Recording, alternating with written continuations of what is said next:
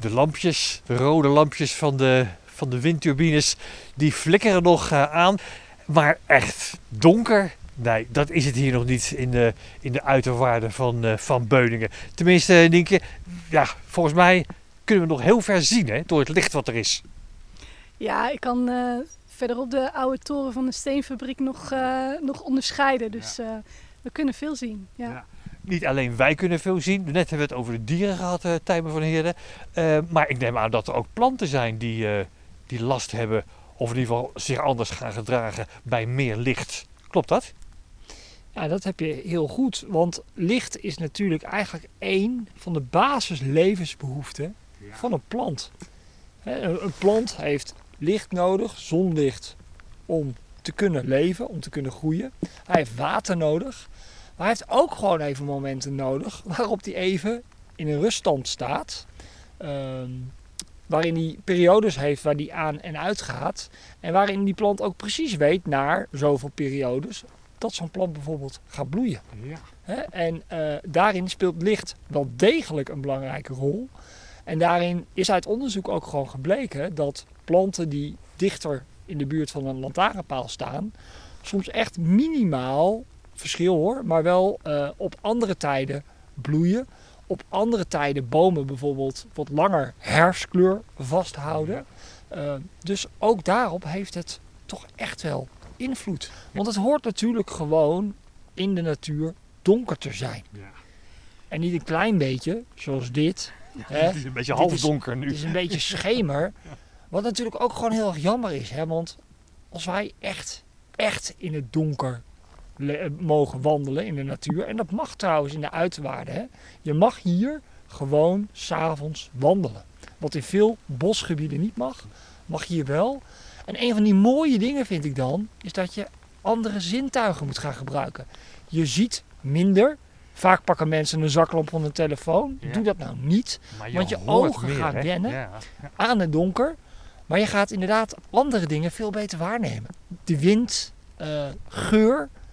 En dat neem je beter waar, omdat een andere zintuig gewoon bijna uitstaat. En het leuke is dan als je, nou ja, hier in de uiterwaarden gebeurt het ook steeds vaker, kun je af en toe ook gewoon een das tegenkomen zo'n leuk nachtelijk dier die op pad gaat, die helemaal niet zo goed kan zien. En die heeft daar dus best wel profijt van dat het donker is. Uh, want die beweegt zich door het landschap, maar die heeft andere zintuigen waarmee die dan extra goed kan waarnemen. Ja. Er zijn natuurlijk heel veel dieren en heel veel planten ja, die wat afwijkend gedrag vertonen als het niet helemaal donker is. Maar ja, hoe erg is dat nou? Ja, ik vind dat we dat ons echt aan moeten trekken. Want uh, heel vaak is de verlichting die wij gebruiken echt niet de hele nacht nodig.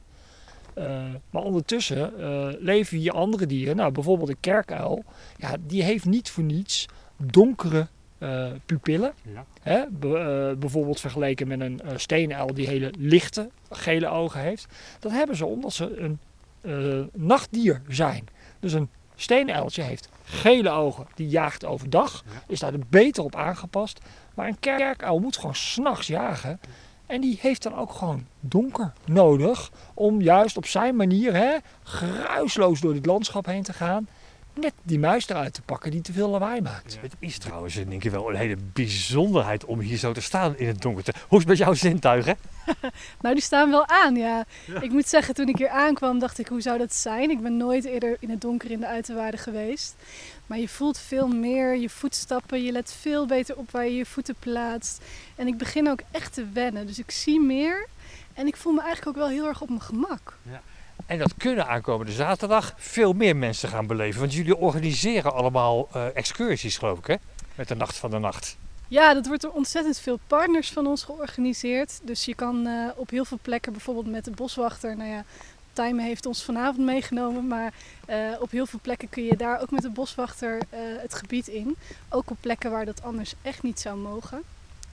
om eens te ervaren hoe dat is. En wat ook bijzonder is, deze nacht van de nacht is er een gedeeltelijke maansverduistering.